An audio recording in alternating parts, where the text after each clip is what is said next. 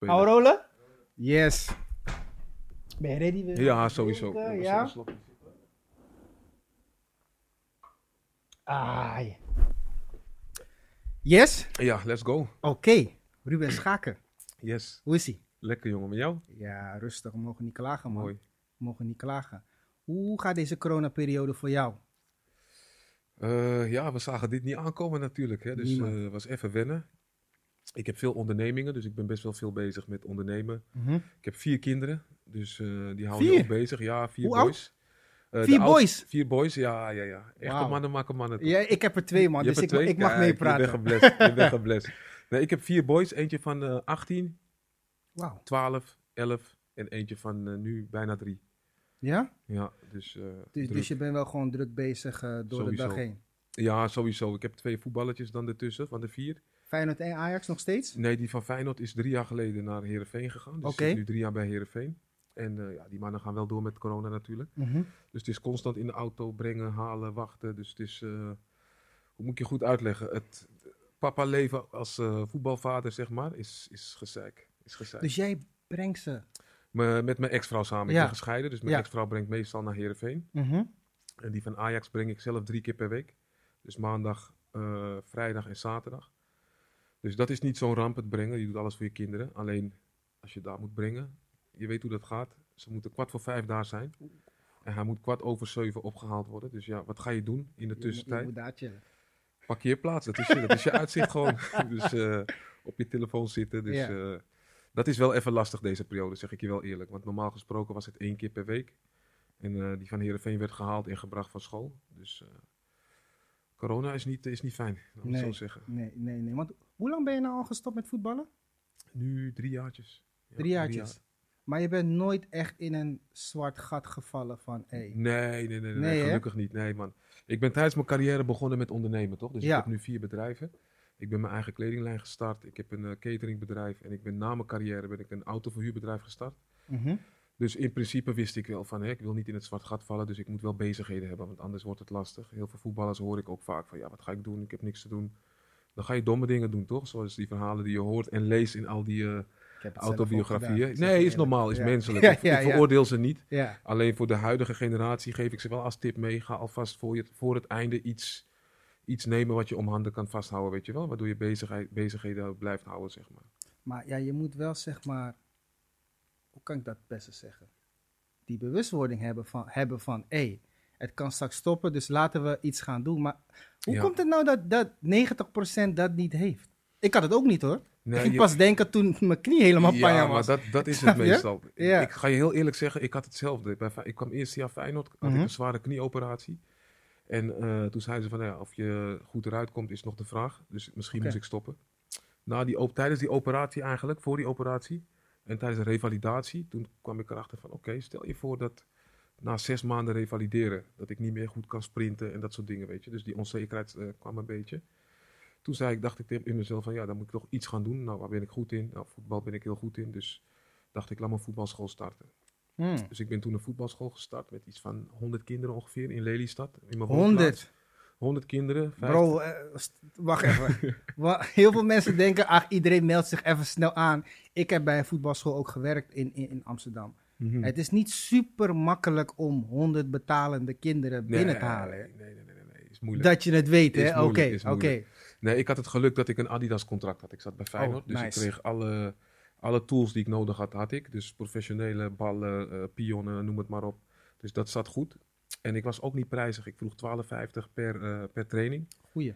Als ex-prof krijg je Mhm. toch expertise. Als je nu kijkt naar de bedragen van eh, gewoon eh, iedereen die een voetbalschool heeft. Keer sommige vijf. keer vijf. hebben nooit gevoetbald, hè. Doen gewoon dingen wat ze op YouTube doen ze. Dus dat was wel mijn voordeel, moet ik je zeggen. Maar ik had vijf trainers in dienst. Dus uiteindelijk heb ik dat vier, vijf jaar gedraaid. En toen dacht ik, weet je wat, ik ga een, ik, ik ga een kledinglijn nemen. Intussen was ik natuurlijk wel weer fit. Hè. Ik was gewoon fit. Mijn knie bleek gewoon goed. Dus ik kon weer eh, lekker mijn wedstrijden spelen. Dus dat ging ook echt eh, booming, moet ik eerlijk zeggen. Uiteindelijk Nederlands elftal gehaald. Maar tussendoor dacht ik wel van, ik wil toch ondernemen. Na Hmm. alles wil ik gewoon dingen om handen hebben, weet je wel. Ik ben iemand die niet stil kan zitten. Dus uiteindelijk een kledinglijn gestart voor jongens en mannen. Ook een eh, redelijk succes. Ik heb het gewoon goed gedaan. Veel verkocht. Hoe heet dat merk? Uh, by Chess. Bij Chess. By Chess. Ja. Ik heb volgens mij ooit een, een, een interview van jou gezien. eh, volgens mij was het begonnen met kinderkleding, of niet? Klopt, kinderkleding. Ja, ja, ja, ja, daar heb ik het gezien, ja. ja, ja. Klopt. Dus dat heb ik nog steeds hoor. Ik ga nu wel kijken naar een nieuwe collectie. Maar goed, nu is corona, dus ik wacht eventjes tot alles weer open gaat. Maar eigenlijk ben ik zodoende erin gerold in het ondernemen. En dat haalt me nu lekker, eh, lekker van de straat. Nice, maar dat is goed, hè? Is goed ja, om te moet, zien. moet, moet. Ik had je ook heel anders nu kunnen zien hier, snap je? Ik snap je. En ik zie dat het goed gaat. Ik ga niks zeggen, maar ik zie dat het jawel, goed gaat. Ik mag niet klagen. ik mag niet klagen, bro. Ik doe mijn best. Ja. Ik werk hard, hoor. Ik ga wel- Ja, ja, ja, ja, zeker, zeker. Maar, maar laten we eventjes eh, teruggaan naar die, die, die opmerkelijke voetbalcarrière van jou. Ik noem het opmerkelijk omdat als ik denk aan hoe ik jou heb leren kennen, zeg maar, op tv, et cetera, dat was in de Mhm. Jupiler League. Klopt. En ik heb het gisteren nog eventjes opgezocht, want ik wilde het zeker weten. Maar je hebt zeven jaar in de Jupiler League gespeeld. Ja, vriend. Bro, hoe heb je dat in godsnaam volgehouden? Ja, dat is een Met alle vraag. respect voor de Nee, keukenkampioen-divisie. Nee, absoluut. Maar je absoluut. snapt wat ik bedoel. Ik voel je, Weet je, na je. je 22e Moet is het weg. meestal van, hé, hey, wat gaan we doen? Snap je? Zeven jaar, bro. Zeven jaar is lang, hè? Ik Ja. ga eerlijk zeggen, bro. Ik, ik, ik wilde geen eens profvoetballer worden. Ik vond voetballen fantastisch. Ik had geen besef, ook in de jeugd niet, van gescout worden en dat soort dingen. Ik wou gewoon mijn goals maken, gewoon voetballen en eh that's it. Tot ik eigenlijk eh, een jaartje bij Ajax gezeten. Mhm. Ook daar weg. Ben ik zelf weggegaan eigen- eigenlijk. En toen kwam ik op mijn zeventiende, bij, zat ik bij DCG.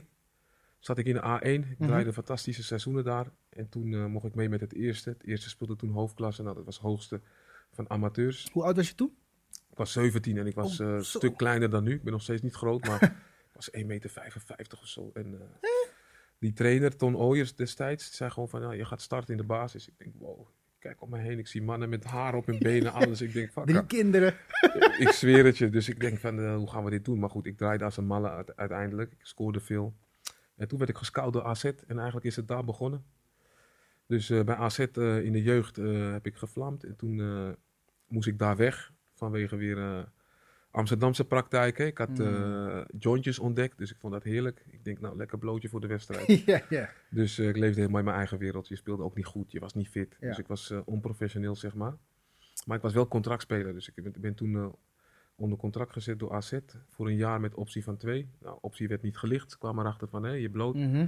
Uiteindelijk ging ik naar Cambuur en daar is het eigenlijk langzaam begonnen. Ook daar nog geen besef van eerste Nee. elftal, televisie, Jupiler League. eh.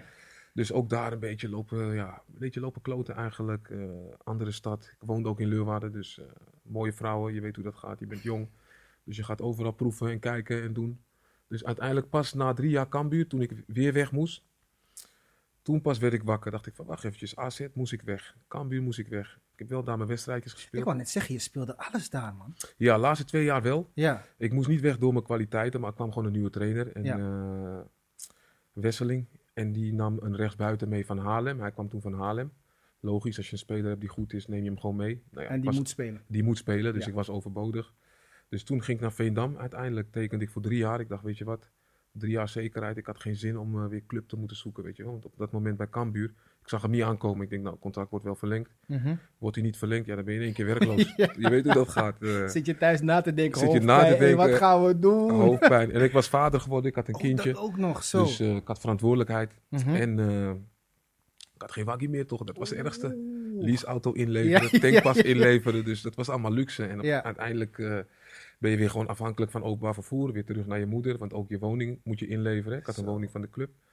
Dus toen dacht ik, poeh, dit wil ik nooit meer. Dus toen kwam gelukkig voor mij kwam Veendam. Ik had een paar goede wedstrijden tegen ze gespeeld. Trainer Joop Gal heeft me toen gehaald. En toen zei ik, ik wil zeker uit drie jaar lang wil ik deze hoofdpijn die ik nu heb gehad, wil ik niet meer. Goeie gast hoor. Heb ik Hele goede gast. meegemaakt in Echt Oekraïne. ja. gast, ja. Ja. Hij heeft mij eigenlijk gered hoor. Hij heeft mij echt eh, laten inzien van Ruben, je bent zo goed jongen. Je kan, prof, je kan echt de top halen, zei hij. Maar ik, toen geloofde ik het ook niet. Ik denk, ik speel Jupiler League, hoe bedoel je top? Ik ben twee keer weggestuurd.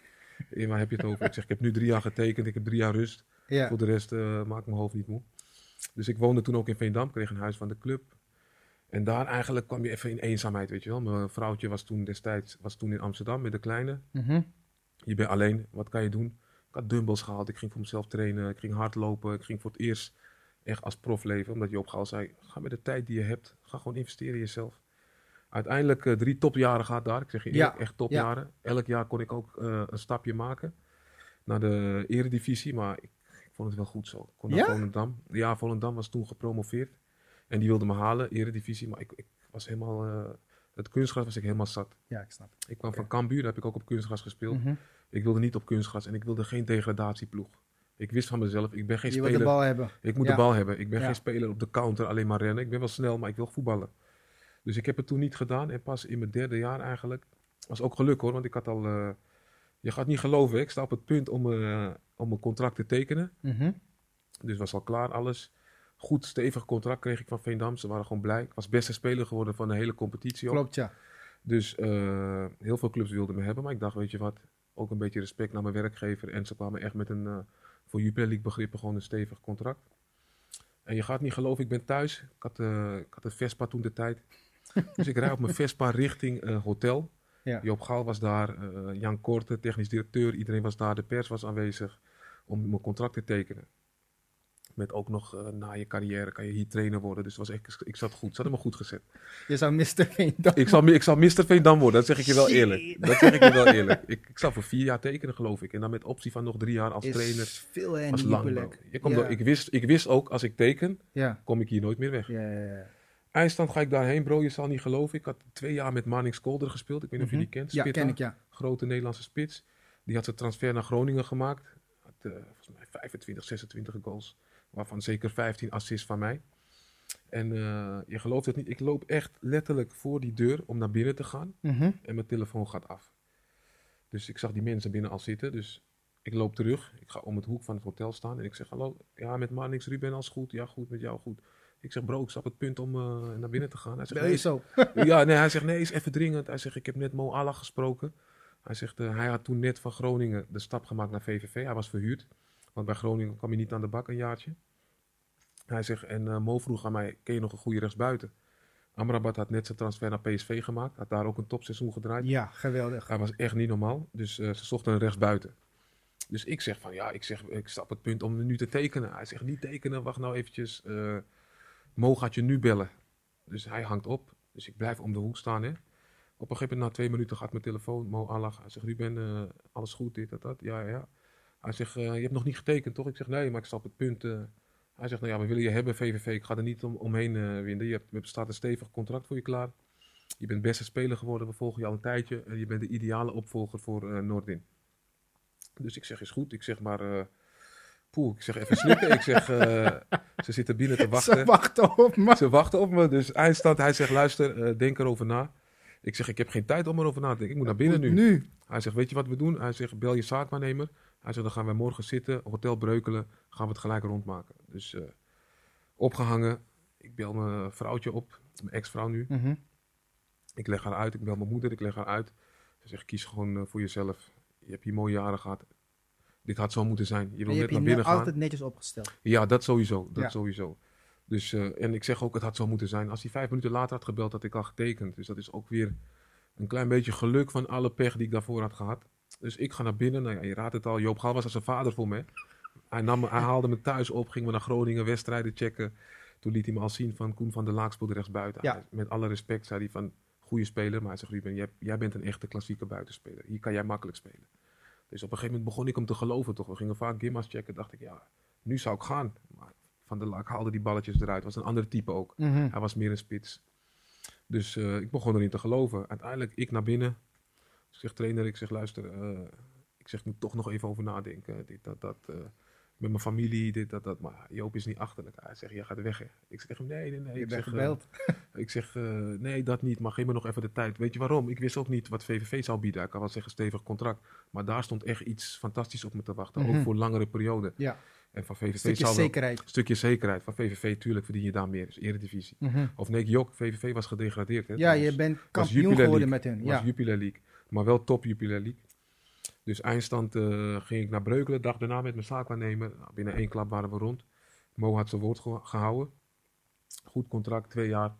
Dus eh, na, na het tekenen daar belde ik gelijk Joop op. Ik zeg, trainer, ik heb getekend bij VVV. Mhm. Hij zegt, ik wist het, ik wist het. Maar hij was echt sportief. Hij zegt, ik gun het je van harte, Ruben. Hij zegt, het eh, zou voor ons echt... wij zouden blij zijn natuurlijk als we je hadden gehouden, maar we wisten gewoon, je, bent niet, je was niet te houden. Je hebt eh, topseizoenen gedraaid. Dus hij gunde me het ook nog, echt fantastisch. Dus daarna heb ik hem ook vaak kaarten gegeven hoor. Ja. Hij kwam vaak bij VVV kwam hij kijken en we speelden natuurlijk ook tegen hem. En later bij Feyenoord ook. En ik was goed met zijn kinderen, dus die kwamen ook. Dus we hadden Ja. echt een goede band. Dus uiteindelijk eh, via die weg eigenlijk naar VVV. En daar, ik zeg eerlijk, was de beste stap die ik heb genomen. Ja, want We daar... kampioenen, eh, we hebben echt eh, we hebben gesloopt. We hadden ook een wereldteam hoor. Voor Jupiler League ja, want ik weet nou niet... Honda was er Ja, niet ja, bij Honda in de er. Jupiler League, toch?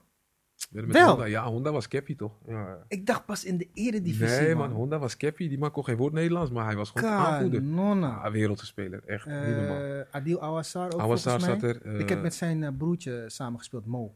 Oh ja, die zat ook bij Dordrecht. Hè? Ja, ja, ja. Klopt. Met Adil heb ik ook een paar keer meegetraind, maar dan heb ik het over 15 jaar geleden. Hij zat al bij het eerste. Klopt, ik zat in klopt. de Hij A1. kwam van Dordrecht Soms naar deed ik mee met het tweede, snap je? Ja, ja. Maar jullie hadden een gruwelijk ja, niet normaal. team. We werden Echt. Maart of zo, maart, april werden we wel kampioen. Ja. Zeven, zes wedstrijden voor het einde. Hadden we een voorsprong van 15 punten, geloof ik. En daar leerde ik echt kennis maken met jou. Want met alle respect, kijk, de Jupiler League of keukenkampioen-divisie, hoe je het wil noemen. Je gaat Mhm. dat niet altijd kijken. Nee, maar je, nee, je nee. hoort dingen, hè, van hé, er loopt er rechtsbuiten daar, hij loopt niet Ja. Kou man, ik dacht van, Ja, weet je wat, laat me gewoon kijken. Want checken. ik ga met een linksback mind naar die wedstrijd kijken. Dus van. Zou, die man me, zou die man me slopen? En ik keek naar die wedstrijd, ik dacht van, ja man, ik denk het wel. Want je had, die kracht had je, Ja, ik was sterk. snelheid had je, maar je had ook die voorzet. Ja. ja. Alle ballen kwamen aan. Getraind, geïnvesteerd met Joop. Ja? Joop zei tegen mij van train die voorzet nou. Ik had echt een Mhm. slechte voorzet bij Cambuur, moet ik eerlijk zeggen.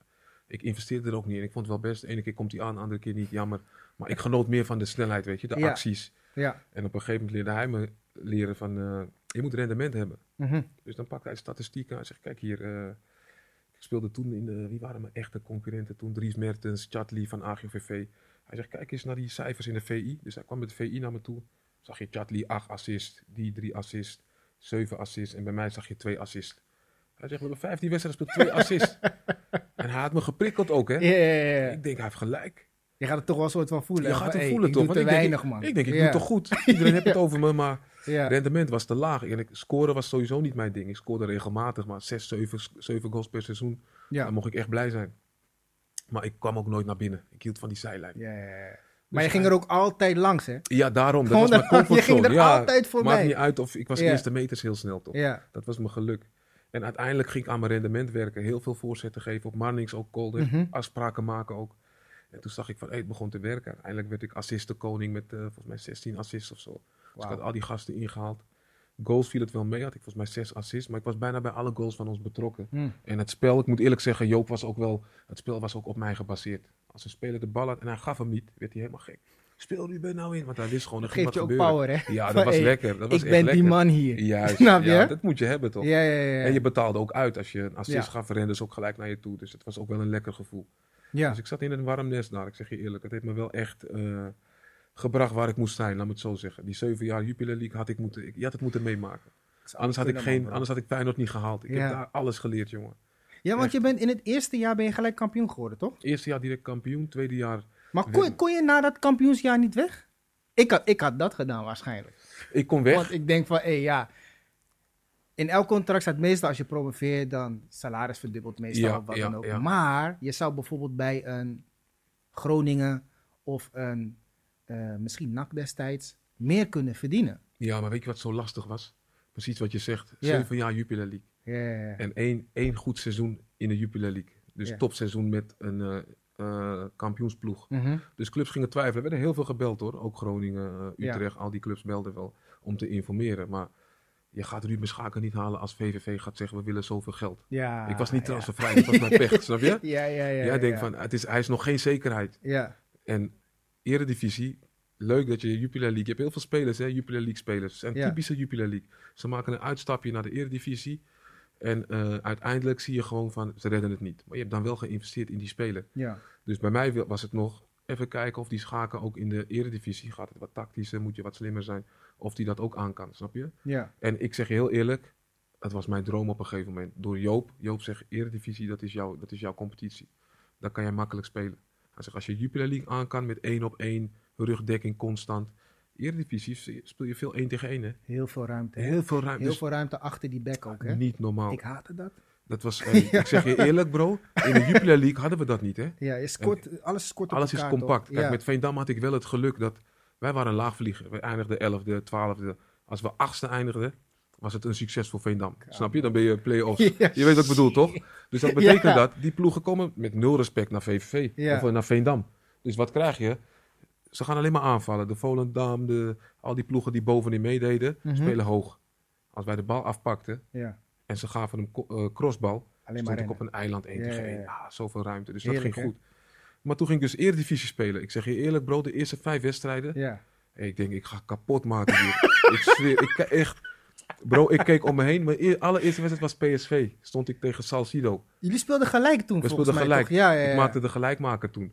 Maar in de catacombe, het was een droom voor mij. Dus ik was kleine jongen, echt. We gingen filmen, was toen nog niet zo met Instagram. Maar ik ging gewoon filmen van zo. Ja. Het eerst Philips Stadion. was ja, ja. anders dan eh, hè, eh, Telstar uit en dat soort dingen. uit en die dingen. Juist. Volle bak. Dus wij filmen, pap, pap. Eindstand eh speelde een goede wedstrijd. En ik kende die boys ook van, van PSV. Amrabat zat daar toen. Eh Avalai.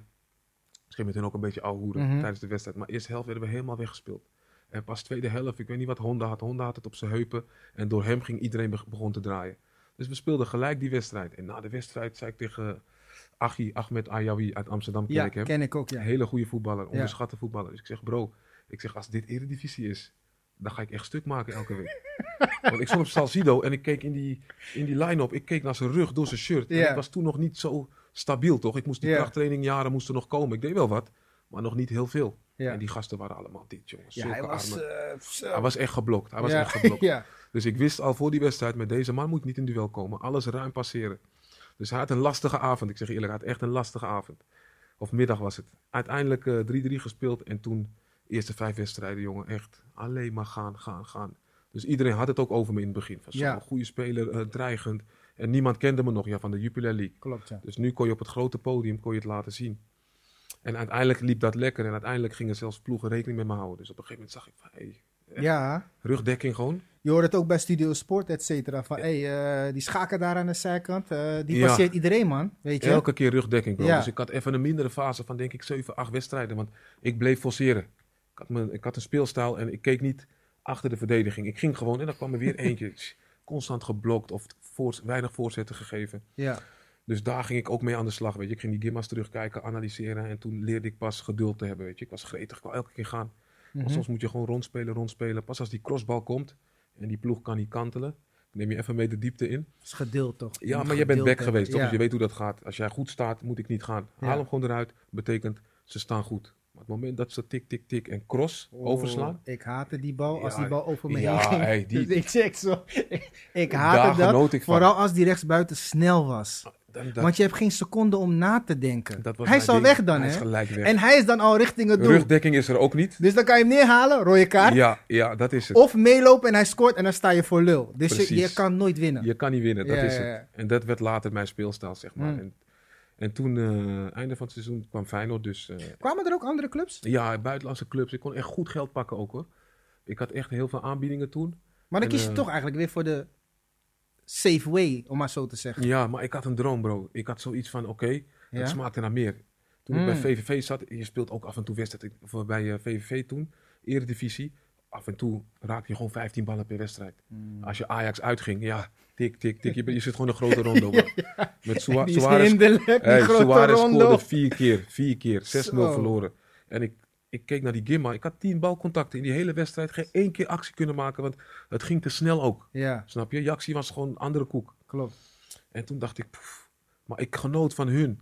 Ik keek naar hun buitenspelers. Ik denk, Je was gewoon een wedstrijd aan het kijken, soort ik van. zweer het je. Maar ik dacht, als ik nu bij Oh. hun... Maar ik was een, ik was een dromer ook. Ja. Als ik nu bij hun zou zitten. Wat ik met die back zou doen. Dus bij Ajax gaat het nog sneller. maken, ja. Ik zag Vertongen de hele dag crossen. Gewoon boef, Ja. boef, boef. Dus ik denk, joh, als ik, daar, als ik in de top van Nederland zit... Ja, Volgens mij ga ik dan nog meer slopen. Dat, is, dat was mijn gedachte. Dus Mm. toen kwamen er heel veel clubs. Uiteindelijk was ik bijna rond met Cannes, eh, Frankrijk. ja. Echt een topaanbieding. En toen kwam Feyenoord. Werd ik gebeld door Mario Been. Ik woonde samen met Awassar. En eh, speelde samen bij VVV. Hadden allebei een topseizoen. En eh, mijn vrouwtje woonde toen in eh, Lelystad. Ik had daar een huis gekocht. Dus ik was ook veel, in, eh, veel Mhm. met Awassar trainen. We waren echt serieus, zeg maar. Weet je, we Ja. kookten voor elkaar. En alsof het zo moet zijn, bro. Mario Been belt me. Hij zegt, Zou je het leuk vinden, Feyenoord? Ik had tegen Feyenoord stuk gemaakt in de Kuip. Echt, ik stond Wie was toen linksback? Van Bronckhorst. En hij was in zijn laatste jaren, zeg maar. Ik ben fan van hem hoor, topvoetballer. Met Ja. alle respect. Hè. Alleen, hij kon het niet meer belopen natuurlijk. ik, was, ik was nog jong en fris. En ik had ook zoiets van, als je tegen grote namen vlamt, dat was toen mijn ding. Dan wordt er over je gesproken, dan eh, zien ze ook hoe goed je bent. Dus ik wou ook die erkenning. Dus die wedstrijd wist Mario B nog. Dus die wedstrijd heb ik goed gespeeld. Dus hij zegt, we willen je halen. eh, ga volgende week zitten, dit, dat, dat. Ik zeg, oké, top. En toen zei hij van, eh, trouwens, gisteren met je maatje gesproken. Awassar, Ja. die komt ook. Ik zeg, meen je niet? Maak je Je was blij, hè? Ik was blij voor hem, Ja. tuurlijk. Ik zeg, eh, hij zegt, ja, ik heb, we hebben gisteren gezeten. Maar hij had mij niks gezegd, hè? Maar Dus, hij wist eh, wel dat ze ook met jou nee, zouden... nee, oh, oké, oké, oké. Ik was altijd zo, als je, niet, als je nog niet rond bent, Klopt. gaan niet veel mensen zeggen. Je weet, zijn Surinamers, Mhm. dus eh, boze ogen. Ik was bang voor alles. Beetje Dus, blauw eh, zetten. Ja toch, ja toch. Je weet hoe dat werkt. Dus ik, ik Ja, vertelde nooit dingen. Alleen mijn moeder en mijn vrouwtje je. toen, toen de tijds. Dus ik kwam thuis in Venlo. Dus ik zeg, zaten aan de eettafel, we hadden gekookt. Ik zeg, bro, wat gaan we doen volgend seizoen? Was ongeveer maart al, hè? Hij zegt, ja, ik weet ook nog niet, man, broer. Ik zeg, ook, ook, ook aan het kijken. Hij ging het vertellen voor me. Ik zeg, bij alle klootzak. Ik Ja. gaat naar Feyenoord, hè? Dus hij schrok. Hij zegt, hoe weet je dat? Hij zegt, denk dat je alleen gaat? Ik ga ook. Dus eh, we waren blij, jongen, Zo echt waar. nice, man. We, zijn nice. direct, we hebben gelijk een club gepakt die dag. Gelijk naar eh, Club zo 4, gaan we hebben het gevierd. En eh, daarna was gelijk weer die focus. En we gewoon het seizoen mooi afgemaakt. En Ja, jullie zijn erin gebleven. We zijn erin makkelijk ook. elfde of Ja, elfde, ja. zoiets. Ja, ja, ja. Makkelijk. We waren nooit in de problemen gekomen. We waren heel vroeg al veilig. Hmm. Dus dat was wel echt, eh, echt top. En Honda, we verloren Honda in de winterstop, hè. Ja, Want hij was de hele man van ons. Hij, maakte het spel. Hij was fantastisch. Man, hij lanceerde mij ook. Als ik naar hem keek, wist ik al van lopen. Goeie trap, Alles was top. overzicht. Het, het klopte gewoon. Alles, Positioneel altijd, Altijd goed. Super sterk. Doorslaggevend op de juiste momenten. Ja, ja, hij was de een juiste rendement, momenten. jongen. Snap je? Wereldspeler, echt. Hij ging toen naar Moskou, dus iedereen zei: VVV gaat nu helemaal eh, in, in kakken. Mhm. Maar uiteindelijk hebben we het gered, makkelijk ook. Ook zonder hem. Zonder hem gingen we soms wel beter spelen, want ons spel was echt op hem. ja, eh, ja, ja, ja. En wat deden tegenstanders? Eén op één op Honda. Paaslijn naar hem, altijd eruit halen. Ja, Dan- dan heb je gewoon één guy die hem volgt. Zelfs als hij naar de wc gaat, Juist, moet je ze mee. moesten hem volgen. Dus Ja. hij had er best wel moeite mee. Hmm. Hij had die vrijheid niet meer. Dus uiteindelijk makkelijk erin gebleven ook. En toen eh, kwam het nieuwe hoofdstuk Feyenoord, man. Daar kwam eigenlijk voor mij de droom uit. En wat ik eh eerste jaar niet. Ik moest wennen aan het tempo, aan het niveau. Maar Ja, is, is, is die stap echt... Want ik heb nooit op dat niveau gespeeld dan. En ik vraag me altijd af van... Hoe groot is die stap nou echt? Los van de wedstrijden in de Kuip. Ik snap dat. Meer publiek, meer druk. Je wordt overal herkend. Juist, Meer money. Dus klopt. er komen meer mensen op je af. Maar ik vraag me af op de training. Hoe zwaar is het daar? Je gaat dood. Ja? Je gaat dood. Voorbereiding, echt waar. Als ik Osso kwam, gelijk laag. Slapen. Serieus? Slapen, ja. Je traint voor het eerst ging met hartslag, maar je kan geen Nee. spelen. Je, kan, je herstel, alles wordt Ja. gemeten. Dus je kan niet zeggen van, eh, mijn conditie is wel goed. Ja. Hij ziet gewoon van, hey, jij, jij moet extra werken. En als hij ziet van, je cijfers kloppen niet. Ja, dan ga je extra trainingen doen. Dan kom je eerder dan de rest. Ga je hardlopen, extra krachtprogramma. Ik moest ook sterker worden. Mhm. En ik ging ook zelf heel veel investeren. Want ik merkte gewoon van, hè, de Leroy Vers, Wijnaldums. Die mannen waren allemaal super stabiel. Ja, goed, goed dat je dat zegt, want heel toevallig hoor. Ik was ergens in 2011 of zoiets, was ik naar een training gegaan, want ik ken Genie toevallig. We Mhm. waren destijds, waren we, wa- kenden we elkaar goed. Ja. En ehm, ik was met mijn broertje daar naartoe gegaan. En ik vroeg hem gewoon heel toevallig, want je was nieuw. Ik zei van, fuck, hoe is, hoe is die schaak eigenlijk? Hij zei me van, hé, hey, die man is gruwelijk, man. Die Ja, man is ja, gruwelijk. leuk. En toen wist ik al van, oké, zo, dus deze man is niet zomaar, ook niet hier dus. Nee, nee, nee. Kijk, weet je wanneer je merkt dat ze wel onder de indruk van je zijn? Mhm. Eh, op de trainingen. Als, ze veel, als je veel ballen krijgt. Ja, Dus als ze je overslaan doet pijn, Ja, hè? ik ben een paar keer overgeslagen, Nee, maar bro. bro, dat hoort erbij. Kijk, Ja. voetballers zijn ook niet dom. Als, als je drie keer balverlies hebt, krijg je hem gewoon niet meer. En Mhm. helemaal in de top, hè. Ook met positiespelen, weet je. Als je in een team zit en je wint en je draait en je bent onderdeel. Voor mij waren dat bevestigingen van, hé, hey, ik kan wel mee. Snap je? Mhm. Want je kan wel die stap maken, maar kan je het aan, dat zie je pas in de praktijk. Dus ik merkte, het eerste jaar had ik heel veel moeite, hoor, moet ik je eerlijk zeggen. Ik had echt moeite. Om, eh, positiespel ging snel, bro. Ja, is anders, hè? andere koek. En ik ben al geen middenvelder. Als je Ja. middenvelder bent, zie je dingen wat sneller. Als buitenspeler, ik heb de lijn in mijn rug, dus daar Mhm. komt nooit iemand. ja. Maar zodra ik bij Feyenoord naar binnen ging, psh, ja. maar ook hoe ze omschakelen, weet je, daar merkte ik van voetbal is echt, echt, is echt werk. En de druk, was het voor jou ook, Ja, ook dus de kuip? Want ze zeggen ja, kuipvrees, dit, dat. ja Ik bro. wil niet zeggen of je kuipvrees had, maar als je dat stadion instapte tijdens een wedstrijd en het is, en het is bomvol en, en die supporters zijn Zeg, ja, gek hè? in de goede zin. Ja, Ja. gek in de Niet goede aan zin. een club komen. Je het moet gewoon zijn, ja, het het zijn die mensen die werken in de haven. En ik ben een Rotterdammer. hè. Ik weet, Ja, ik weet hoe die mensen daar werkt. zijn. Ja, ja, ja, ja, ja. Hoe- Absoluut. Hoe, hoe, moeilijk was het voor jou elke keer als je aan een wedstrijd begon en, en je zat niet lekker in je vel bijvoorbeeld? Ik ga je zeggen, ik begon al in min, op min 10, hè. Want ik zat bij VVV, Mhm. einde van het seizoen, ergens in april. Nee, ergens mei. Na het seizoen, competitie was klaar, hadden we nog twee oefenwedstrijden. Maar Mhm. ik had al getekend. Dus eh, ik tekende voor twee jaar. Hadden we oefenwedstrijd in die oefenwedstrijd, de laatste oefenwedstrijd. Dus ik werd de hele tijd geschopt, geschopt tegen Mhm. amateurs. We wonnen met 12-0 of zo. Ik had vier keer geprikt. Maar ik werd constant gezaagd. Dus ik zeg tegen die scheids, laat ze normaal doen. Ik dacht Ja. aan mijn benen, weet je. Ik ga naar Feyenoord. Constant jappen, jappen. En één jongen, ik weet niet wat er was, had een paar vrienden. Je weet hoe dat gaat. Maar Mhm. Matties aan de zijkant. Ja, ja, schop die schaken. Die, dat. Eindstand, eh, ik versnel hem. Ik ga één op één op de keeper. En ik voel gewoon op mijn hamstring, voel ik die man zijn noppen gewoon. Dus gewoon in de lucht hij Ja. me gewoon van achter. Dus ik viel en het was op telsom. Ik draai om, ik haal hem gelijk uit. Boom. Hij valt neer, bam. En ik liep gelijk ook naar binnen. Ik wist al rode kaart, ik zag die kaart niet eens. Ik liep naar binnen, ik deed mijn shirt uit, ik ging douchen. Ik denk, weet je wat, dan gaan we het hoofdstuk maar zo afsluiten bij VVV. Dus ik zit binnen en die teamleider komt. En hij zegt, eh, niet zo slim. hè. Ik zeg, nee, weet ik, maar ik heb hem gewaarschuwd, dit, dat. Kijk hoe die kwam. Hij zegt, nee, je hebt alle gelijk. Maar hij zegt, eh, weet wel dat deze schorsing die je nu gaat krijgen, dat die meegaat. naar het nieuwe seizoen. Ah. Dus besef hè, Feyenoord, eerste Ja. twee wedstrijden geschorst. Ja, dan begin je al op. Ja, je Mario Been belt me gelijk toen het op VI stond, Ja, vi.nl. Ruben Schaken, eh overstap naar Feyenoord, eerste twee competitiewedstrijden, niet erbij. daar houdt de pers van, hè? Tuurlijk, tuurlijk. Maar, maar ik voelde hem, want ja, je wilt indruk maken, je Mhm. bent nieuw. Plus, je hele voorbereiding die je doet, om in de basis te knokken, je weet gewoon de eerste twee speel ik niet. Hm. Dus die deed pijn. Dus hij belde me op van, ja, wat doe je nou? Ik zeg, ja, dit en dit is gebeurd. Hij zegt, oké, jammer, eh, het is niet anders. eh, hou je goed, maar niet zo slim. Vervolgens daarna, groot interview met VI. In de eerste editie in de voorbereiding. Nee, voor de voorbereiding, in de vakantieperiode. Ik ben Amsterdammer, geboren, getogen in Amsterdam, oud Ajaxiet. Dus eh interviewtje. Eh, ja, Ruben, als Amsterdammer in de Kuip, hoe vind je dat? Ik zeg, nou ja, ik zeg... eh, toen de tijd was ik, ik heb voor Ajax gespeeld. Ik was ballenjongen toen Ajax de Champions League won met Kluivert. Wauw. Dus ik had heel veel affiniteit met Ajax. Dus ik heel met mijn domme kop gewoon zeggen van nou ja, Ajax mooie club, eh, dit dat. Maar ik ben trots dat ik voor Feyenoord mag spelen, anders had ik hier niet getekend. Ja. Maar goed, dat viel helemaal in. Kan je, niet daar, bro. je weet het hè? Kan dus niet. Kan niet. ik had nog geen besef Ja. hoe groot die rivaliteit was. Dus Meestal maar van één kant uit, hè? van één kant van Feyenoord Ja, ja, Ajax. ja. En nu ik er heb gezeten en gespeeld, klassiekers heb gespeeld, ik snap het, snap je? Maar toen nog niet. Dus je raadt het al, hè? Op de forum van Feyenoord, ik keek Mhm. die dingen nooit, maar iedereen die me kent stuurde dingen door van, eh, die hoeven we niet, kut Amsterdammer, dit, dat. En dan besef, dus je bent twee wedstrijden geschorst En dat ook nog en eens. ook nog zo'n interview gegeven, dus eh, ik moest echt hard vechten om het legioen voor me te winnen. Het één, eerste jaar alleen maar uitgefloten, alleen maar.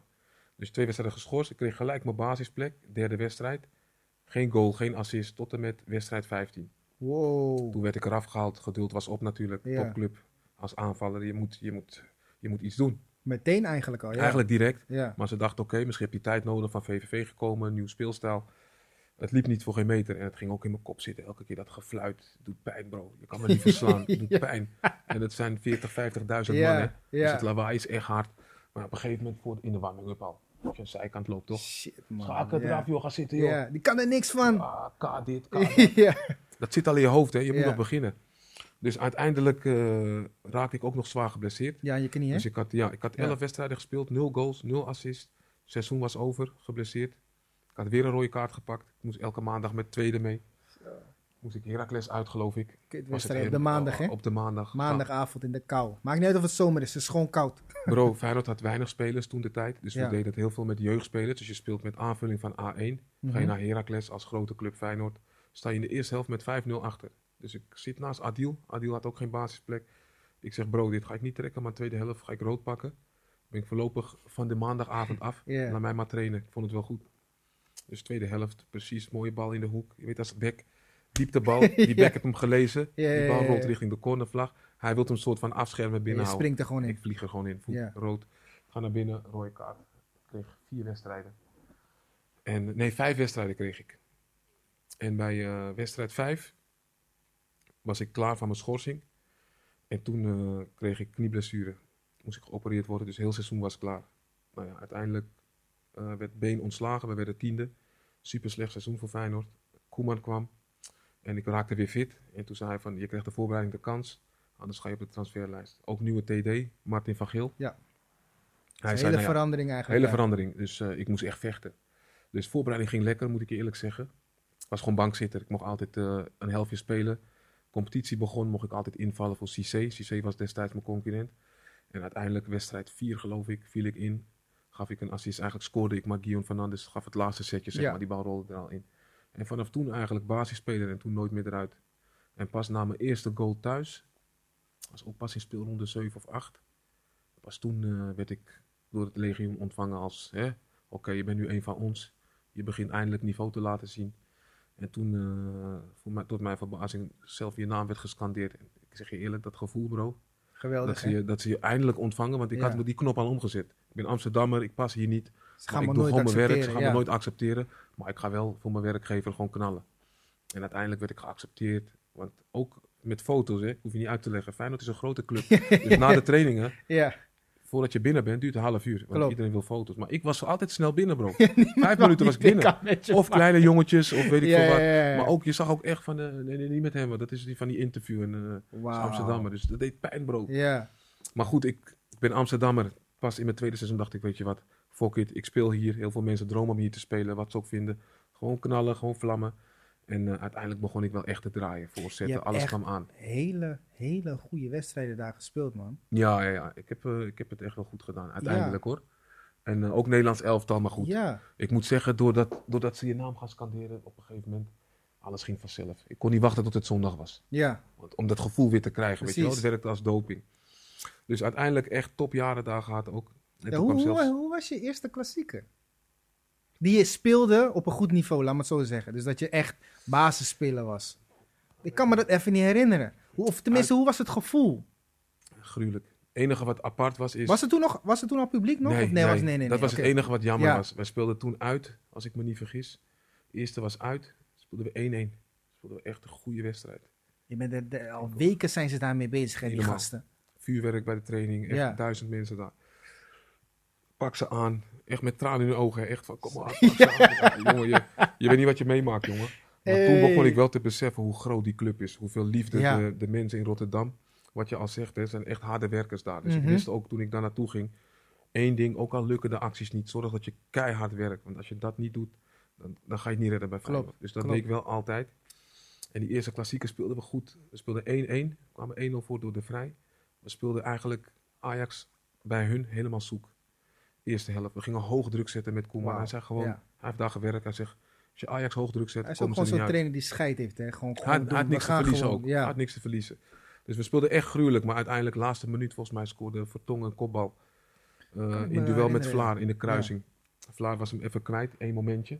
En speelden we 1-1, maar het voelde, niet, het voelde wel goed. Omdat Ja. we gewoon goed speelden. Want iedereen had verwacht, ja, die worden gesloopt. Ja. We hadden geen transfers gedaan. We kwamen echt met eh, jongens die nu de top hebben gehaald. Maar Bruno Martins, Indy, eh Stefan de Vrij. Jongens die komen net uit de A1. Dus ja, we kwamen echt met eh, kleine jongens, met alle respect. ja. En toen zetten we toch zo'n wedstrijd neer. Dus uiteindelijk 1-1. Maar het, het gevoel qua ambiance was wel haat vanuit Ajax natuurlijk. Maar Mhm. onze supporters waren er niet. Dus dat heb ik, nooit heb ik nooit meegemaakt. Helaas. Heb je meer druk ervaren bij Feyenoord of bij het Nederlands elftal? Feyenoord. Ja, Feyenoord, toch ja. wel? Nederlands Je elftal had ik niks eigenlijk- te verliezen. Ik had niks te verliezen. Want je deed het daar ook goed, hè? Want Ja, ik kan ik me die eerste wedstrijd nog van je herinneren. Volgens mij, Ja. ik weet niet meer tegen wie het was, maar je ging iedereen voorbij gewoon. Ik Ja, zag je alleen maar in aan de zijkant, man. Ja. Was geen top tegenstander natuurlijk. Was voor mij ideaal om tegen in zo'n wedstrijd je debuut te maken. Maar je moet het toch doen, hè? je moet het wel doen. Ik Want je moet dat shirt aandoen, je staat daar, de persisses, Nederlands elftal, hoogste wat je kan halen in Nederland. Je moet het laten zien, hè? ik ga je zeggen, de eerste wedstrijd was wel heel veel druk. Dat was meer dan bij Feyenoord. Waarom? Hmm. Eh, we zaten in Huis de Duin. Als je daar wakker wordt, je krantje hangt gewoon aan je deur. Dus ik heb Mhm. de deur open, ik pak krantje. Je ziet je naam schaken, gaat debuteren. eh, en dan zie je meningen van oud-voetballers. hè, eh, Oud-Nederlands elftal Ja, spelers, ja, ja. De, de, de legendes, zeg maar. Dus eh, van, noem ze maar op, Willem van Hanegem Ja. tot en met. Dus heel veel lees je ook van, ja, daar niks te zoeken, joh. serieus, Ruben Schaken tussen Arjan Robben. past niet in het rijtje thuis. Dus zulke dingen lees je dan. Deed pijn? Deed geen pijn, want hij had, hij had gelijk. Ik moest het laten zien. Ik had wel zoiets van, in Nederland wel de top gehaald, maar internationaal is wel een andere top. En dat merkte ik ook op de trainingen. Dus ik dacht van, Daar was het weer heel... ik dacht van VVV naar Feyenoord, van Ja. oké, ik ben nu aangehaakt. ja, ja, Bro, dan kom je op Nederlands elftal met Alles op goal, hè? Afwerken, alles. Huntelaar, bro. Ja. Ja, was bijzonder. Echt, bro. Alles wat je hoog, laag, elke voorzet die ik gaf, hij maakt er wat van. Maar hij is altijd tussen de palen. Ja, op tv lijkt het allemaal zo anders. Hè? Mensen dus mensen zeggen- begrijpen dat niet. Hij kan geen je? acties maken, zeggen Ja. ze. Bro, killer. Echt een killer. Maar ook van Persie, Robben, buitencategorie. Snijder Snijder. ook, hè? Ja, jij zat in die gouden tijd daar, hè? Om me heen, ik, ik, ik, kijk, het enige wat ik dacht is, ik hoef alleen te rennen eigenlijk. Want die jongens regelen het voor je. Snap je? Ik ben buitenspeler. Van Gaal zei letterlijk tegen mij, Ruben, blijf hoog. Ja, Bij Feyenoord ging ik wel eens ballen ophalen, want ik werd ook steeds beter in het positiespel. ja. Dus de back laten kiezen. Als ik in de bal ga, gaat hij mee. Gaat hij niet mee, draai ik open, dan gaan we rennen. Dus dat, dat spelletje kon ik goed spelen. Maar hij zegt bij ons, blijf hoog.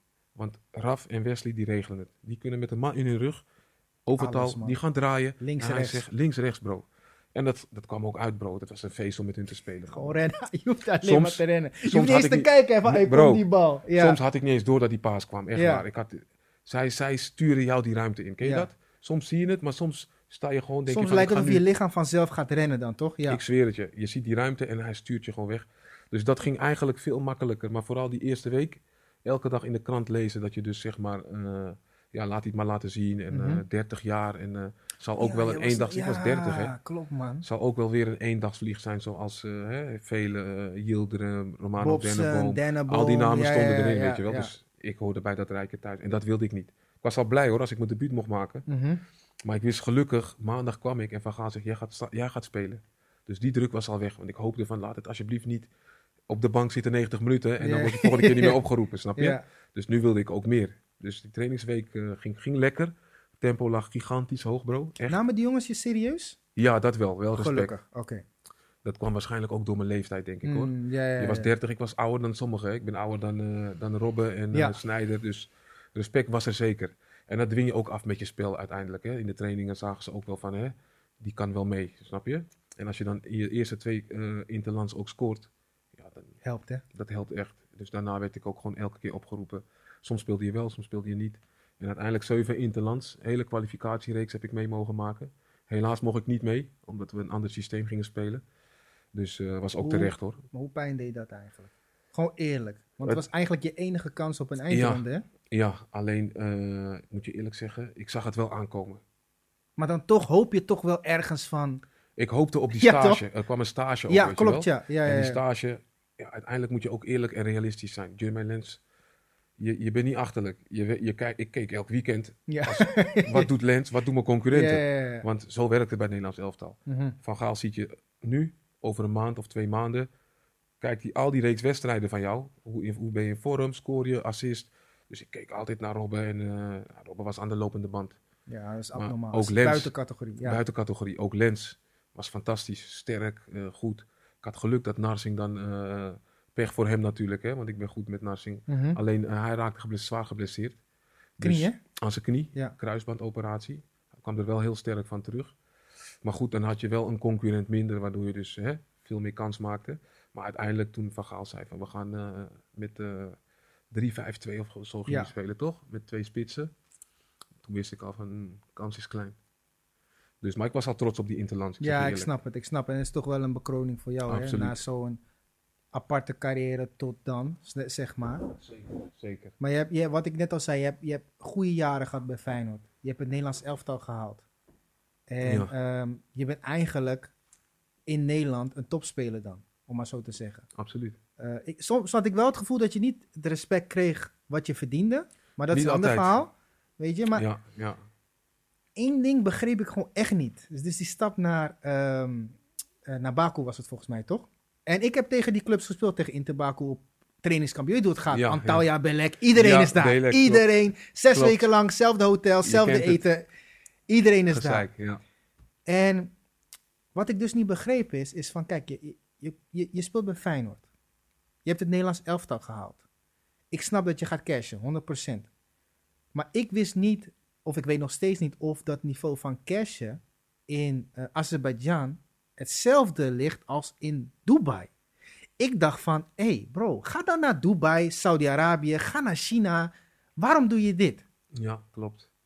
Nee, kijk, ik had, ik had in, eh, bij Feyenoord een aanbieding in eh, Dubai. Kon ik echt goed geld pakken. Mhm. En die heb ik laten lopen. Ik wilde gewoon mijn contract bij Feyenoord uitzitten. En dan transfervrij wilde, wilde ik weggaan. Snap ik. weet je gewoon van, hè, Ja. topjaren gehad. Dan ben je rond. Tekengeld krijg je dan ook waarschijnlijk. Ja, ja, ja. Dan kan je een klappertje maken. Maar het liep iets anders mijn laatste jaren. Fred Rutte kwam. Eerste half jaar weinig gespeeld. Toch wat goals gemaakt. Als ik inviel, altijd wel gevaarlijk. Mhm. Maar ik zag gewoon van, onder deze man ga ik gewoon niet meer spelen. Dat was, dat was duidelijk voor mij. Dus toen, eh, eigenlijk was het ook een wanhoopsactie. Ik had nog een half jaar contract. En eh, in de winterstop belde ik mijn zaakwaarnemer. Ik zeg, ik moet weg. Echt liever gisteren als vandaag. Mhm. Ik zeg, eh, ik ga sowieso hier niet meer spelen. En als je dan een half jaar niet speelt, ben je minder interessant als je transfervrij bent. Zeker, zeker. Dus uiteindelijk eh, wilde ik ook de druk van voetballen. Dus pers, media, ik was er helemaal zat. Ik wilde gewoon ergens waar ze voetbal niet zo belangrijk vonden. Nou, je weet hoe dit Azerbeidzjan gaat. Zitten Mhm. 100 man op de tribune. Dus Als je geluk hebt. als je geluk hebt, ja. je komt gewoon echt met je kiksen. Zo ging ik naar Ja, de club. Hè. Kiksen klopt. en een handdoekje zo gevouwen Mhm. in mijn toilettas. En eh, ik ging daarheen. Dus dat, dat vond ik wel lekker. En het niveau van Kesje is, niet, is absoluut geen Dubai. Het is goed geld. Het is netto geld ja, uiteraard. precies. dus dat is wel lekker. Dus ik zeg altijd van wat je hier bruto verdient, verdien je daar netto. Verdien je daar netto. Ja. Klopt. En ik had het geluk dat ik bij Feyenoord eh, gouden handdruk, zo noemen ze dat, afkoopsom eh kreeg Oh, van nice. contract. Dus, Nice. dus ik was ook niet zo hebzuchtig voor geld. Ja. Ik had goed verdiend. En ik dacht van, weet je wat, als ik dat bij elkaar is optel... ook volgens mij drie keer opengebroken daar. hè? Ja, drie keer opengebroken, ja. dat, eh, ja. als, iedereen die een beetje voetbal Ja, was- heeft, weet wat er gebeurt. Je gaat van hier naar hier naar hier. ja. En als je daar zit, ben je geen kleine jongen meer. Nee, nee, nee. Ik, werd, ik, werd een, ik werd een grote jongen. Eerlijk is eerlijk. Ja, Ja. absoluut.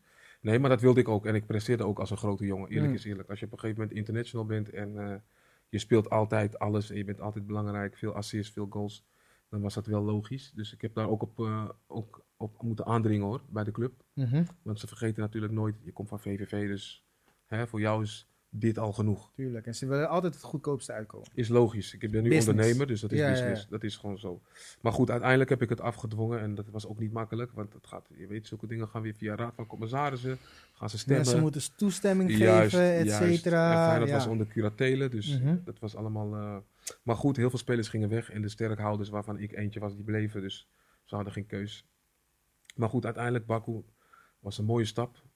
Achteraf gezien ook weer financieel ook wel goed uitgepakt. In de zin dat het eerste half jaar werd je niet betaald, maar ik had anderhalf jaar getekend. Mhm. Dus betekent, ik heb nog een jaar te goed. En nog drie, vier maanden die ze niet hadden betaald. Mhm. Ik had tekengeld, ik had bonussen. Ik ging naar een club.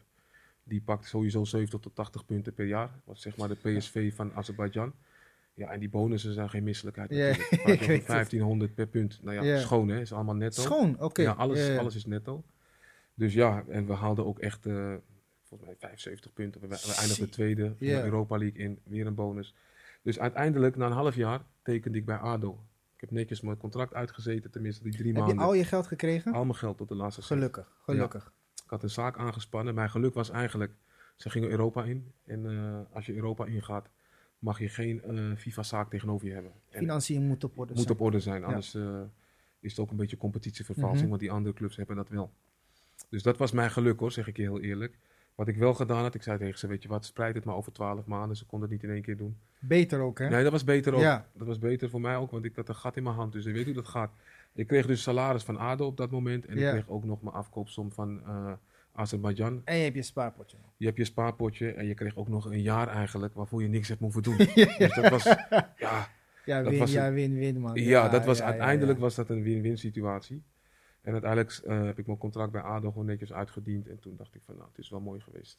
Je hebt goed gespeeld daar hoor, bij ADO. Je hebt goede wedstrijden gehad, hoor. Mm, Ik was niet helemaal mezelf. Ik Ja, maar in- je was ook wel wat, je was wat ouder. Klopt. ADO klopt. is een hele lastige club om te spelen. Bro, En ook om, lastig om tegen te spelen. Ik heb nog nooit in de jeugd een goede wedstrijd tegen ADO gespeeld. Ik weet niet niet. wat het is. Ik. Ik haatte hun echt. Maar Dus ik begrijp wel minimaal dat... gewonnen. Minimaal. Ja. Van de tien wedstrijden wonnen misschien drie. Snap je? Gelijk, vaak verloren ook. Dus ik snap wel dat dat... Ja, je bent wat ouder. Je hebt ook minder bewijsdrang. Want Klopt. financieel ben je cool. Je hebt het Nederlands elftal gehaald. Je hebt bij Feyenoord goed gespeeld. Je hebt gewoon goede jaren gehad. Het, het, het Ja. is gewoon wat moeilijker om dan op je... Wat was je? 33, 34, zoiets? 34. Ja, op dan nog 200% te geven. Ook al probeer je dat wel. Je zegt precies hoe het ging. Ja, Precies toch? Zo ging het. Ja, Ja, absoluut. ik, ik snap dat ik wel, had wel een mentorrol. Ik was wel altijd Ja. met jonge spelers helpen, weet je wel. Ik, eh Geraldo Becker was mijn concurrent. Goeie speler. Ik zag. Hele toen goede al dat hij echt heel goed Ja. was. Alleen ik was veel met hem bezig in de zin dat eh, hij zijn rendement moest verhogen, weet je wel. Supersnel, echt. Die man, als je denkt dat ik snel ben, bro. Ja, ja. Geraldo is geen grappen, bro. Serieus? Dat is een raket. Dat is, Ja? dat is eh, niet normaal. Dope. Maar goed, ik was wel veel bezig met dat soort gasten, weet je wel. Ik wist van, ik ga toch stoppen. En het is Mhm. ook nog mijn landgenoot, dus dan heb je extra ja, affiniteit daarmee. En daarom extra mooi om te zien hoe hij het nu doet. Op dat moment. Je weet als jongens, spelers zijn jong. Dus hij zag mij natuurlijk, hè, ik speelde altijd. Hij, speelde, hij zat vaak op de bank voor mij. En als hij speelde, moest hij naar de linkerkant. Want ja, Mm, je hebt, ik- ik, ik, drukte ook aardig op het salarishuis. Je gaat mij niet halen om op de bank te zetten. Dus, Klopt. En dat is ook voetbal. Dat vond hij niet altijd even leuk. En soms Dat moet wel. hij leren. Hij was Dat jong moet hij leren. Hij was jong. Ik nam het hem ook niet kwalijk. Dus, maar ik bleef wel met hem bezig. Weet je wel. Mhm. Ik zag hem niet als concurrent. Ik zag hem juist als van, hè, jouw tijd gaat komen bro, want je Mhm. bent goed. Dus, eh, en uiteindelijk is de tijd ook gekomen. Want toen ik wegging, en tijdens alle, want op een gegeven moment waren de rollen omgedraaid. De laatste zes, zeven wedstrijden. Klopt, ja. Zat ik op de bank, speelde hij. Hij was in bloedvorm. En ik genoot bro. Ik wist al van, ik ben klaar hier. Dus hoe mooi is het als je die jongen toch ziet vlammen, weet je wel. Dus eh, ik was wel altijd collegiaal naar mijn, naar Goed. spelers toe. Want ja, ik heb alles al gehad. Maar wist je op dat moment ook dat, het, dat je na ADO zou, eh, zou stoppen met Nee, profvoetbal? nee. Nee, hè? Het, het, tuurlijk, het spook door je gedachten. En ik wist wel, die kans zit erin. Want ik was wel, ik was wel iemand van... Ik ga niet meer voor... Je bent bedra- bepaalde bedragen gewend, hè Ja, bro? maar je beseft ook wel... Je bent 34. Ik was toen... Ik was 35 geworden. Dus je weet al van, als ze je nemen, krijg je weer dat soort... Bij ADO was het al moeilijk, hoor. Ja, dan gaan ze Zoveel wedstrijden ze je spelen. een Want tonnetje aanbieden. En Juist. Nou, ja, dat soort- ja, dat soort aanbiedingen zijn Ja, voorbij ja. gekomen. Nou ja, bro, met alle respect. snap ik. Ik was nog aardig fit. En ik vind van, het, het moet geen geld gaan kosten bij wijze van. hè. Mm. Dus eh, als je dan de belastingen, alles eraf haalt, want ik was wat gewend. Dus ik heb heel veel aanbiedingen ook naast me neergelegd. Ik denk, nou, vanaf dat bedrag gaan we praten, anders niet. En toen merkte ik al gauw van, ja, één, de bedragen waren niet meer zoals het was. Wat logisch was, want ja, je, bent, je, bent, je brengt ook niet meer wat je altijd bracht. En ik merkte ook van, mijn kinderen gaan nu voetballen, moet ik nog door?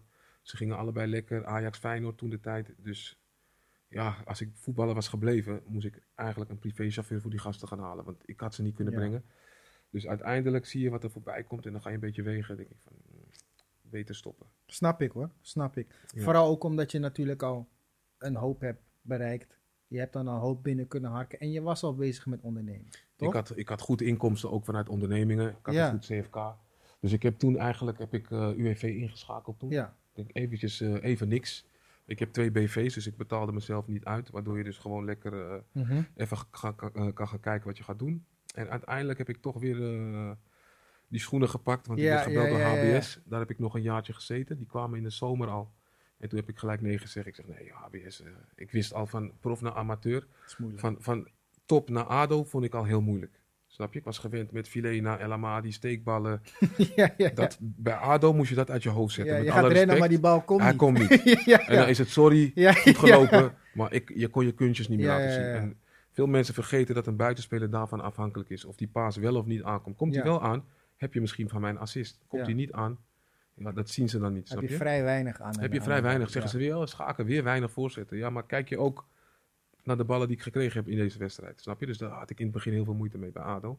En toen dacht ik bij HBS, nog lager niveau, was derde divisie. Dus uiteindelijk in de winterstop stonden ze onderaan, hebben ze me weer gebeld. En eh, hadden ze geldschieter. Nou, dat is eh, financieel ook wel aantrekkelijk voor mij. Mhm. Om gewoon één keer in de week, ik had wel zoiets van eh, één keer in de week trainen. Zondag voetballen. Ga mij niet vragen om drie keer te trainen. Want ik heb ondernemingen met alle respect. Ja, hè. ja, ja, ja. Was ook niet arrogant bedoeld, maar het bedrag, de Je bedragen... was gewoon bezig. Ik was bezig en de precies. bedragen waren niet zo schokkend. Ik zeg van, ik stop mijn onderneming en ik ga bij jullie lekker drie keer trainen. Dus ik trainde alleen op donderdagavond.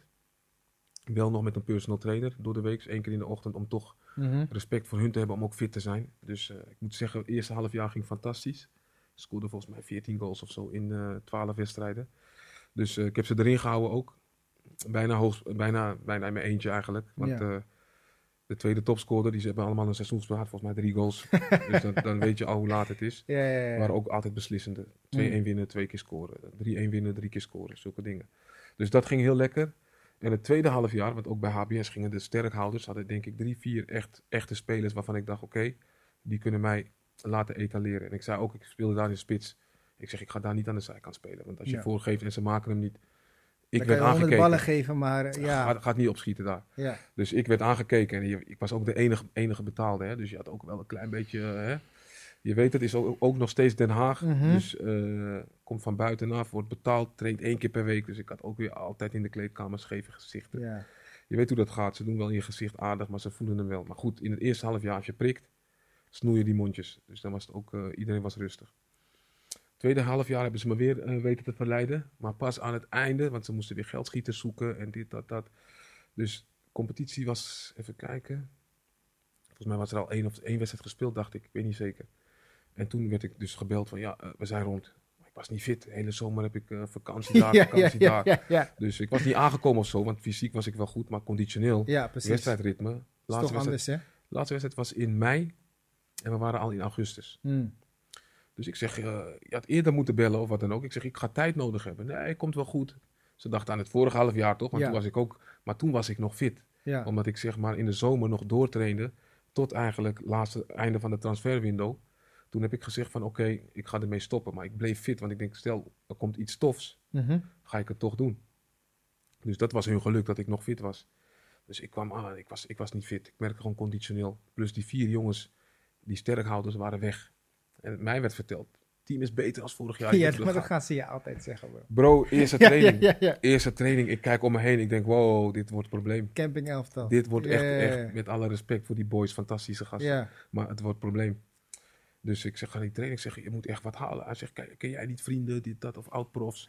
Dus we waren toen bezig met eh Eduard Duplan. Zat ik nog mee bij ADO. Ah, Wereldventje, maar ook een fantastische speler. hè? Ja, ja, ja. ja. Ik denk met hem op de flanken en ik in de spits.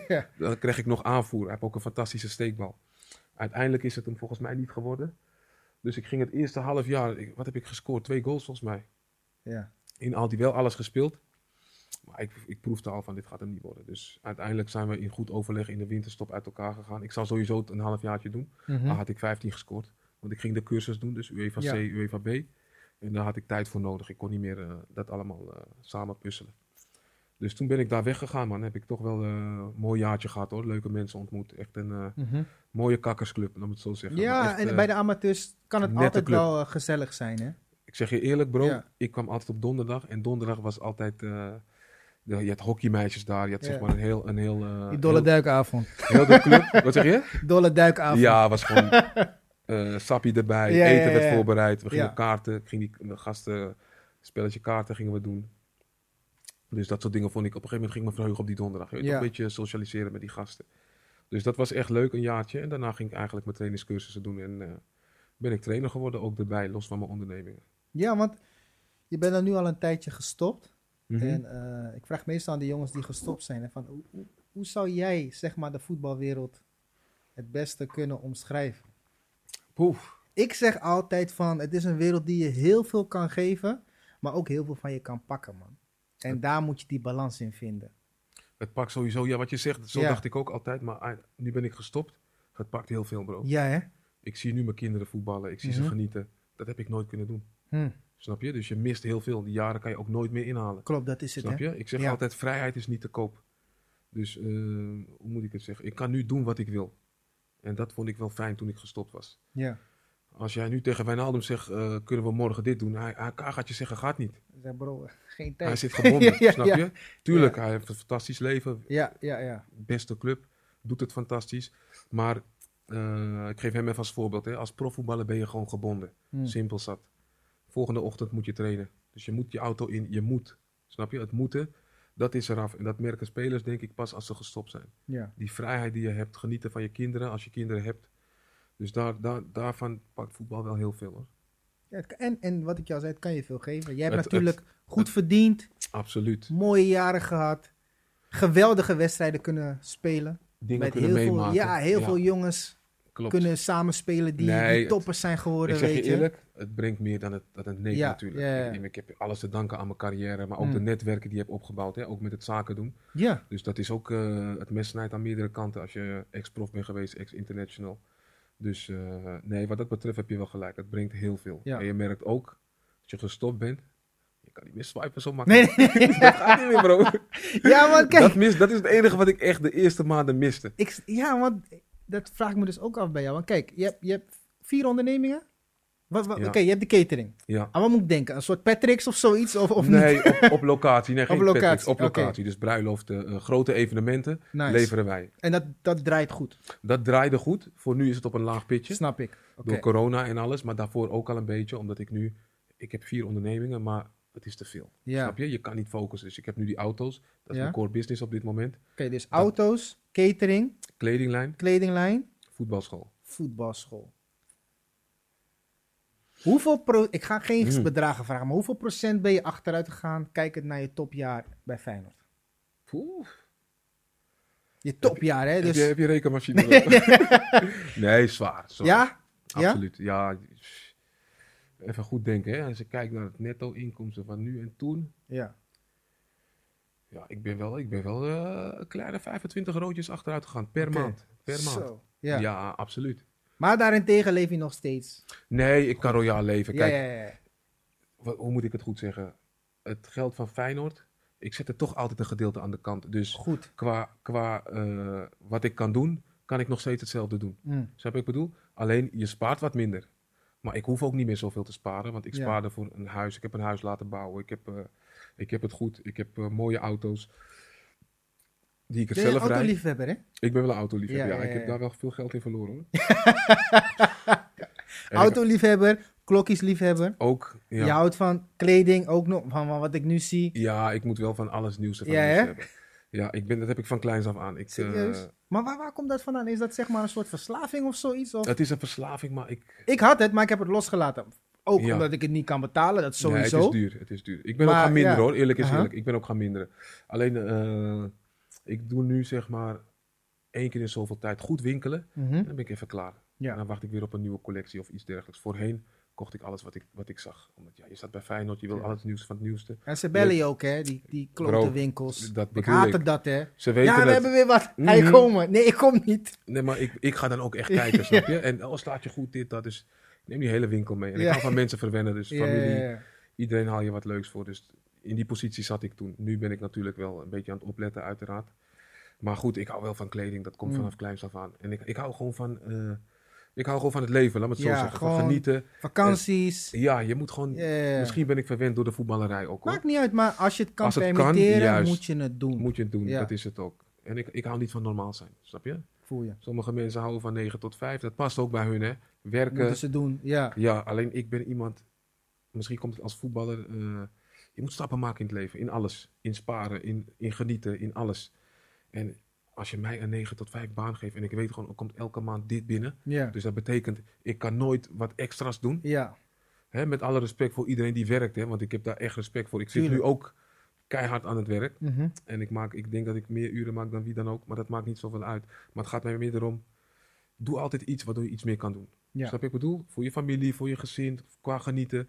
Anders word je, een, ik zeg altijd, een slaaf van de overheid. Ja, je, je raakt ook in een sleur, hè. Je raakt in de sleur. Je gaat wachten op vakantiegeld in mei. Anders kan je niet move. Ja, dat, is, ja. dat is geen leven, man, bro. Helemaal als Voor je, mij niet in ieder Voor geval. mij ook niet. Ja, je hebt een vriendin, je wilt leuke Ja, dingen toch? doen. Je moet dingen met je familie kunnen ondernemen, zeg ik altijd. En als het niet kan, kan het niet, hè. Mhm. Maar ik zeg, als je gezond bent en je hebt twee, twee gezonde handen en twee gezonde benen, kan je werken. Snap je? Dat is zo mooi in Nederland. Je kan werken, je kan solliciteren. Nu met corona snap ik dat het voor heel veel mensen moeilijk is. Ook ik heb het moeilijk nu met de autobusiness. Maar je kan altijd, je moet creatief zijn. Als het nu niet loopt, ja, Albert Heijn zoekt nog steeds mensen die vakken vullen. Zeker. Alleen zeker. ben jij te trots om te gaan vakken vullen? Ja. Dat is de vraag meestal, hè? Ja, Je kan je uren maken. Ik, ik zeg altijd, in alles moet je eh, de beste willen zijn. ja, Als ik geen geld meer heb zometeen en ik ben failliet, ja. Bro, dan ga je gerust als je, als je een donkere jongen aantikt. Ik ga Ruben zien. Nee, jij gaat schrikken. Je zegt, meneer, was dat pak melk? En dan zie je mij gewoon. zeg je, hé hey broer. Ik zeg, bro. Je bent hier nu? Ik, en dan zeg ik je gewoon van, luister bro. Binnenkort ben ik hier werknemer van de maand. Want Ja. ook hier kan je, daar kan je ook pieken. Ja, snap je? dat, dat is goed, overal waar je, in alles wat je, wat je wilt bereiken, moet je proberen te pieken. Dat je je leven in ieder geval eh, makkelijker maakt, leuker maakt. Want je leeft maar één keer, bro. Ja, dat is echt zo, Je man. leeft toch niet om het hele jaar te werken, alleen in mei één keer op vakantie. Ja. En op het moment dat je in het vliegtuig bent en terug gaat, zit je al met staan. En vaak heb je in het vliegtuig al stress van, hey, heb ik genoeg bij me? Ja, ja. Gaan we alles kunnen doen? Ik ga mijn vrouwtje misschien nee moeten zeggen als we bij een restaurant zijn. Juist. Dat zijn, zijn, zijn pijnlijke Ja, dingen. En ik begrijp hè, dat ik in een positie ben geweest en nu nog een beetje ben, dat dat kan. Want niet iedereen kan het. Dat maar je hebt ik jezelf in die positie gezet. Je, dat is wat ik Wat je ik wil jou zei, uitleggen. je kon ook na, na drie jaar Jupiler League zeggen van, hé, hey, eh, is cool man. Andere keuzes maken of wat dan ook. Nee, maar hetzelfde. Ik zeg het vaak tegen Matties ook. Ik heb veel vrienden. Ik ga eerlijk met je zijn, bro. De nieuwe de generatie van... Ik ben bijna 40. Mhm, Ik heb Matties zijn begin 30. Gaan richting 30. mhm. Maar ik zeg altijd, verander je lifestyle, bro. Sommige mannen zitten gewoon constant op de Playstation, bro. Ja, ja. Ik, ik, ik zeg, als je daarop zit, bro. Als je mij daarop ziet, bro. Dan ga ik je zeggen, bro. Dan ben ik professional gamer. Want ik word betaald. Ja, maar zit er gewoon zo. Ze Als ik even geen zit- buiten mee, toch? Nee, man, bro. Maar weet je wat is? De dag daarna ben je brokken van de hele dag gamen. Tot Klopt. met je oortje in, gek doen, pap, pap, pap. Twee, je hebt een vrouwtje die zich irriteert. Het is zo... Ja, kan je niet uitleggen, bro. Ja, de, de, de is generatie... een keus ja. van iedereen, maar is een generatie dat ik denk van, bro. En dan volgende dag klagen, hè. Sommige mannen zeggen van, zo bro, je hebt het echt goed. Ik zeg, bro, wanneer jij gamet, zit ik administratie te doen, facturen te maken, te printen, Ja. mijn hoofd te breken, eh, orders te schrijven, mailtjes te beantwoorden. Ik zeg, je hebt geen idee, dit kost inspanning, bro. Ja, Maar jij wilt gamen en de volgende dag weer eigenlijk dat er een geluk op je valt. Bro, ja, zo werkt het niet. zo werkt het niet, toch? Mensen Dus wachten ook nog steeds dat die loterij valt, toch? Constant. Of die, die, die koffer met geld dat je het ergens vindt. In, Bro. op een grasveldje ergens. Maar zelfs die doekoe gaat een keer op. Of Dat het moet het, man. gigantisch zijn, maar ja. je moet je mindset veranderen. Als je wat wilt, zeg ik altijd, ga werken, ga, ga knallen. En als je er vrede mee hebt, ook goed hè. Maar dan mag je niet zeuren. Dan mag je niet zeuren. Ga niet Ja. naar anderen kijken van, ja, want je weet niet wat diegene ervoor doet, snap je? Dat is eigenlijk de nieuwe generatie die, die je hebt niet allemaal. Je hebt ook heel veel harde werkers. Tuurlijk, tuurlijk. Maar ik ben, ja, ik was als voetballer al een keiharde werker. Ik zeg je eerlijk, als ondernemer werk ik drie keer zo hard. Maar het is wel mooi om te zien hoor, dat een, eh, eh, een man die, die bij Feyenoord heeft gespeeld, het Nederlands elftal heeft gespeeld, dat hij gewoon nu ook gewoon keihard aan het werk is na zijn carrière. Dat zie je niet heel vaak. Nee, nee, nee. nee. Vaak zie je van, hé, hey, we gaan van de spaarcentjes lenen, of eh, leven, dat gaat op. En dan ja, gaan we zeuren man, van ja, weet je, familieleden hebben alles van me gestolen en dit en vaak, hè? dat. En, maar ik denk altijd van, bro, jij hebt het vaak ook aan hun gegeven. Ja, precies. Jij geeft mensen ook de kans om je te bestelen. Klopt. Nee, dat is echt zo wat je zegt. Maar dat heeft te maken met, ja, hoe moet ik je zeggen? Ik, kan ook, ik kon ook eventjes tien jaartjes chillen. Mhm. Maar en dan, na tien jaar? Snap je? Ik, ik heb juist zoiets van, als je spaarcenten hebt, Mhm. dan wil je het ook behouden. Of Ja. in ieder geval, het moet zo, zo langzaam mogelijk moet Ja. het slinken. Snap je?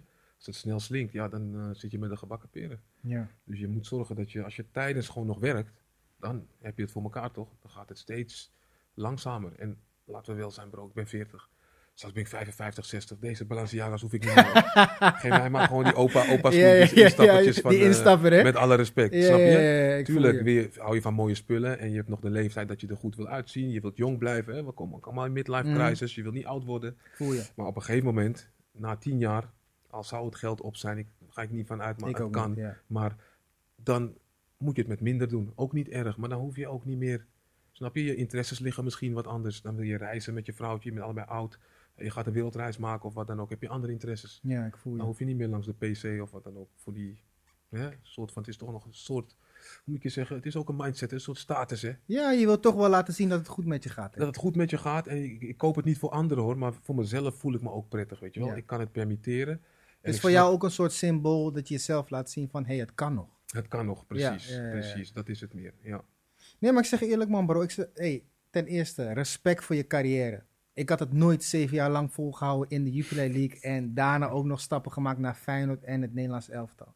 Maar daarnaast ook gewoon super veel respect voor eh, ja, je ondernemingsmind, als ik het zo mag noemen man. De bedrijven die je hebt, eh, je gaat goed met je kinderen om. Eh, Ja. Je, hebt je, gewoon, je hebt jezelf gewoon goed herpakt na je carrière. Ja, zeker. Dus die respect moet ik je zeker weten geven. Thanks man. bro. Thanks. En eh, ik wil je ook bedanken voor vandaag. Bedankt dat je ook. ook eh, zo snel kon komen. We hebben elkaar nog nooit gezien. nee, nee, nee, maar, maar het was klikte eh, gelijk toch? Ja, lekker gesprek. En ehm, ja, wellicht zien we elkaar in de toekomst weer. Is goed man bro. Yes? Thanks man. Thanks man bro. Love. Love. Yo!